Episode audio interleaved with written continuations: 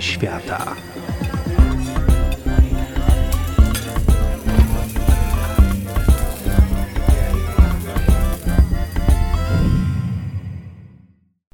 Dzień dobry. No, niby jest tak, że nie powinno się nagrywać takich podcastów, które są związane z jakąś konkretną porą roku, bo przecież podcast zostaje i może ktoś będzie chciał posłuchać go w środku zimy. Ale prawda jest taka, że może na przykład podcast letnio-wiosenny mógłby przejść nawet zimą bo zimą po prostu miło będzie posłuchać o kwiatach i roślinach. A teraz, kiedy akurat nagrywam ten podcast, właśnie za chwilę zacznie się lato. Dlatego chciałam dzisiaj poopowiadać o kwiatach, o kwiatach w kuchni. Kwiaty bowiem były wykorzystywane do celów kulinarnych, oczywiście już w starożytnej Grecji, Rzymie, ale nawet Egipcie. Rzymianie na przykład byli znani z używania, używania fiołków i róż jako elementów ozdoby, ale też w sałatkach albo jako dodatki. Uważano już wtedy, zresztą słusznie, bo potwierdzają to dzisiejsze badania naukowe, że kwiaty oczyszczają organizm, a wiele ich odmian ma właściwości lecznicze. Na przykład róże są bogate w przeciwutleniacze, które pomagają zapobiegać chorobom sercowo-naczyniowym. Starożytni greccy i chińscy zdzielarze również Zauważyli oczywiście te lecznicze, jak i kulinarne zastosowania kwiatów. Stosowali ich bardzo dużo w bardzo różnych celach. Wcześniej Inkowie, Aztekowie oraz Hindusi też włączali kwiaty nie tylko do swojej kuchni, ale też do niektórych najważniejszych rytuałów. Krótko mówiąc, niemal każda wczesna cywilizacja używała kwiatów, a również większość z nich rozpoznawała nagietek. Nagietki, które do dzisiaj mają bardzo wiele zastosowań, były używane jako pożywienie, płatki nagietka, ale były też składane na ołtarzach jako po prostu piękna ozdoba. Warto pamiętać, że szafran, jedna z najdroższych przypraw na świecie, to także płatki. No a ponieważ e, często zachowywano je do celów leczniczych, bo są rzadkie, drogie, to starożytne cywilizacje używały właśnie nagietka żeby ten złoty kolor nadać różnym potrawom. Nagietek był też powszechny w średniowieczu. Mnisi używali go jako e, leczniczego zioła, na przykład w maściach albo w naparach, ale co ważne, był on też składnikiem chartreuse. Chartreuse to jest słynny likier stworzony przez francuskich mnichów. Według legendy marszałek artylerii króla Francji Henryka IV, François Hannibal d'Estrées, podarował mnichom alchemiczny rękopis, który miał zawierać przepis na eliksir długiego życia. Według różnych annałów odbyło się to w 1605 roku.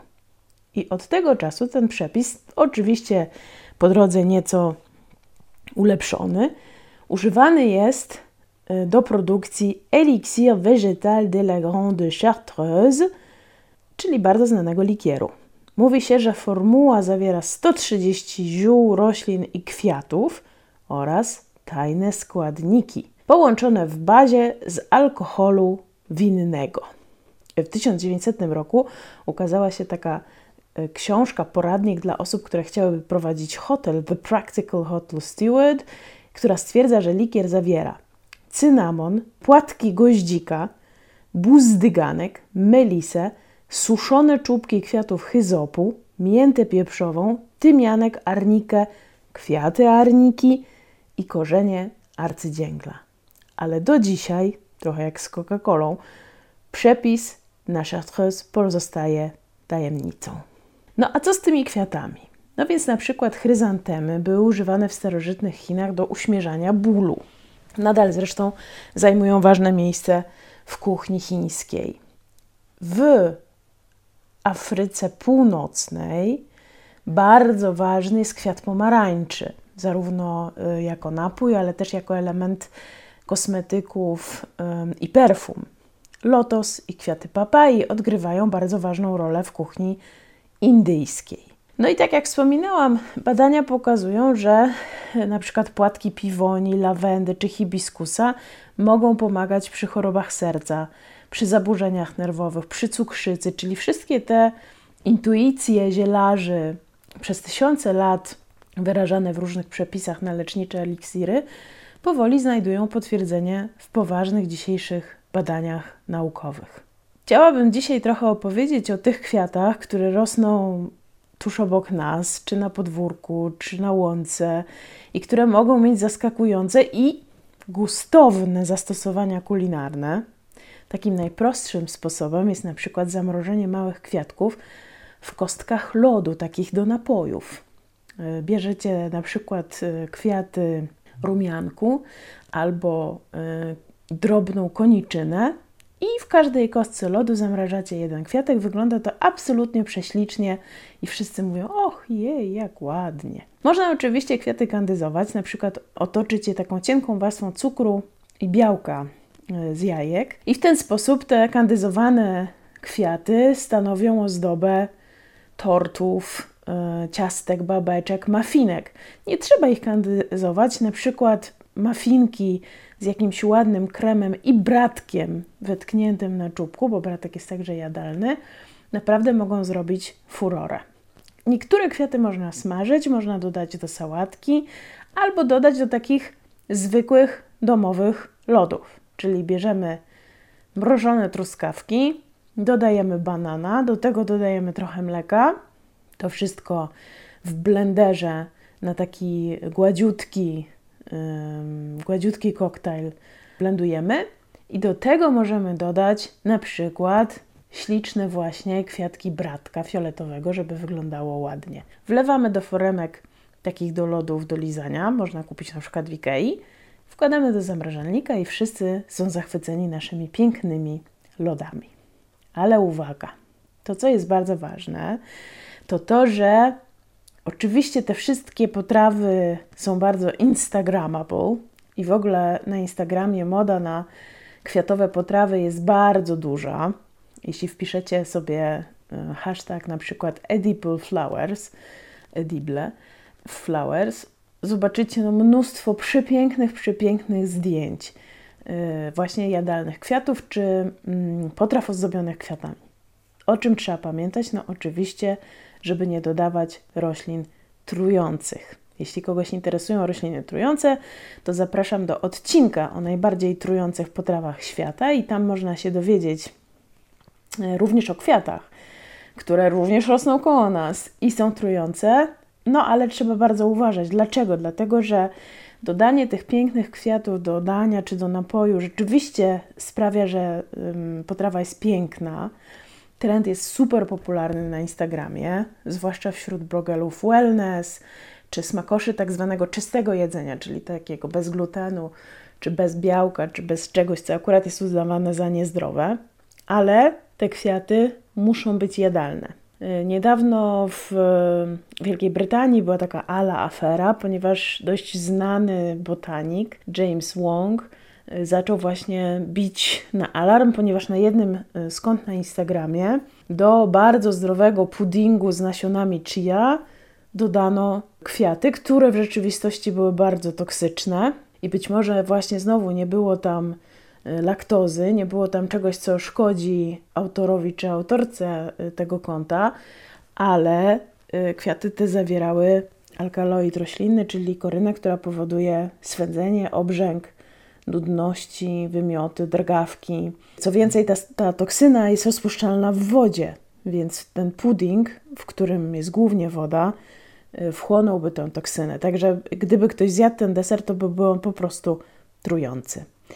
Bardzo ważne, żeby potrawy zawierały kwiaty, które rzeczywiście można zjeść, a jeśli mają być ozdobione kwiatami niejadalnymi, no to żeby potem nikt ich nie wcinał. Po pierwsze, jadalna jest stokrotka, nasza miła. Mniszek lekarski, czyli to, co my nazywamy mleczem, również jest jadalny. Wspominaliśmy już o nagietku, o kwiatach cukinii, nasturcja, lawenda, róża, czarny bez, ale po obróbce termicznej gałązki są trujące. Przypominam, yy, mamy bardzo ciekawy odcinek Kuchni Świata na temat trujących potraw.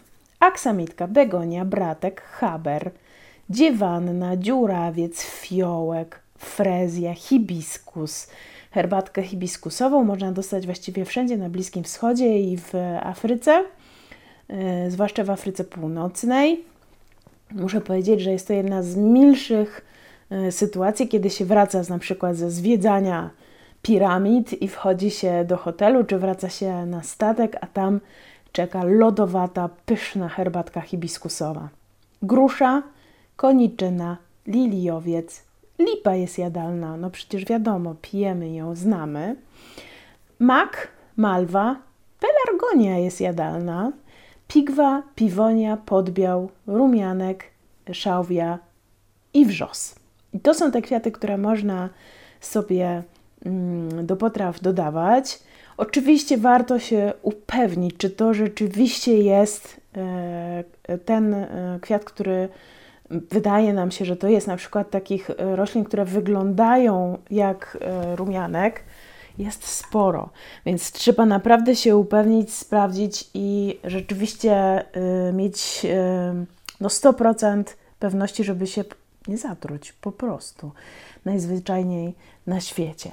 Są takie aplikacje, które rozpoznają rośliny. Można z nich skorzystać i warto, warto y, ściągnąć i sobie, y, y, sobie sprawdzać. Ja używam aplikacji, która nazywa się Picture This. Ona jest angielską aplikacją, w związku z czym jak rozpoznaje rośliny, to podaje nazwę po angielsku. Nie zawsze mm, wiadomo, co to jest po polsku, ale podaje też nazwę łacińską. I ja na przykład robię tak, że po prostu jak sobie y, sfotografuję roślinę, aplikacja powie mi, co to jest po łacinie, to potem sprawdzam w Wikipedii, jak to się nazywa po polsku. I w ten sposób mam 100% pewności, że y, nie zatruję siebie ani moich gości. Albowiem są kwiaty trujące, na przykład groszek pachnący, na przykład hortensja, hiacynty, irysy, konwalie, kaczeńce, oleander przepiękny czy azalia, powojnik, żonkil i narcyz to są bardzo trujące kwiaty, więc absolutnie ich nie można dodawać do potraw. No jeszcze jeden kwiat, o którym nie powiedzieliśmy dzisiaj, a który jest kwiatem mm, bardzo często spożywanym i nie jest trujący, mianowicie kalafior. Kalafior jest tak naprawdę kwiatem takiej odmiany kapusty. Nazywa się go nawet czasem kapustą cypryjską. No więc, co można robić z tymi kwiatkami? Można oczywiście dodawać je do sałatek. Większość z nich, stokrotki, bratki, ładnie wyglądają. Muszę Wam powiedzieć, że jest mało ładniejszych rzeczy niż na przykład sajgonki z takimi bratkami. Są takie wtedy śliczne. Można dodawać do kisz, do kiszów, czy do kiszy, na przykład ze szpinaku. Oczywiście można dodawać do kruchych ciasteczek. To podkreśla piękno kwiatów i wygląda bardzo y, efektownie. Bardzo fajne są kwiaty cukinii, które można usmażyć. To jest bardzo proste, y, proste. Zanurzamy je w roztrzepanym białku jajka, obtaczamy w drobniutkiej bułce tartej i parmezanie, a potem smażymy. Jest pycha. Duże kwiaty cukinii można faszerować, na przykład serkiem ricotta. Można też oczywiście dodawać do tart albo do makaronów. Natomiast y, roślina, o której chciałam dzisiaj opowiedzieć, przepis, który chciałam Wam dać, szybki, prosty, jest związany z mniszkiem lekarskim, czyli z tym, co my nazywamy mleczem. Y, oczywiście bardzo często dodaje się go do sałatek, można jeść zarówno kwiaty, jak i liście. Często jedzono coś takiego w różnych czasach niedostatków naszej historii, na przykład w czasie II wojny światowej. Można też robić wino z mniszka lekarskiego ale nie będę o tym opowiadać dzisiaj. Natomiast chciałam opowiedzieć o takim czymś, co się nazywa miód mniszkowy. To jest popularna taka wegańska alternatywa, alternatywa dla tradycyjnej odmiany miodu y, robionego przez pszczoły. Bo być może niektórzy moi słuchacze lub słuchaczki wiedzą o tym, że miód jest dla wegan bardzo kontrowersyjny, bo nie wiadomo, on nie jest robiony ze zwierząt, ale jednak y, jest efektem pracy zwierząt, zresztą bardzo ciężkiej. W związku z czym niektórzy weganie miodu nie uznają.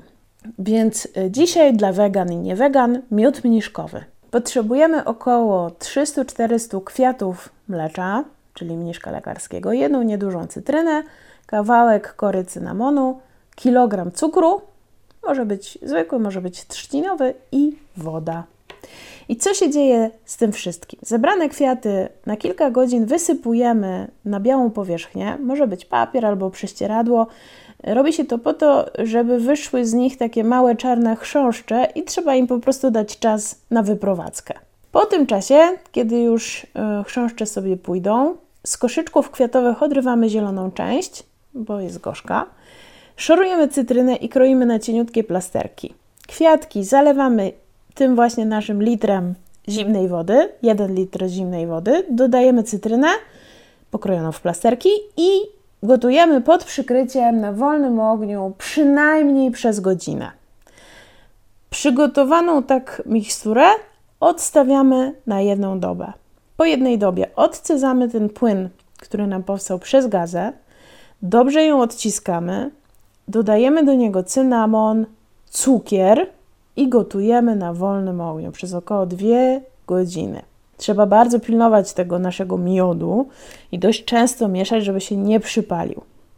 Kiedy uznamy, że już może być gotowy, czyli po tych dwóch godzinach, wylewamy odrobinkę na talerz i sprawdzamy, jaką ma konsystencję po wystudzeniu. Powinien być mniej więcej taki jak taki niescukrzony, prawdziwy, e, lejący się miód, albo taki gęsty syrop klonowy. A propos, jeśli ktoś chciałby posłuchać o syropie klonowym, to również mamy odcinek Kuchni Świata, w którym pojechaliśmy do Kanady, żeby y, przyjrzeć się syropowi klonowemu. Jak mamy tę konsystencję prawidłową, przelewamy do wyparzonych słoiczków, które oczywiście po nakręceniu, po zakręceniu i napełnieniu odwracamy do góry dnem, żeby się ładnie zawekowały. I taki specyfik możemy albo zjeść na kawałku pysznej, smacznej chałki, albo dodać do herbaty jesienią czy zimą, gdy zaczyna nas brać przeziębienie, bo mniszek dlatego nazywa się lekarski, że nie tylko w korzeniu, ale i w kwiatach ma wiele właściwości leczniczych. Smacznego i ślicznego.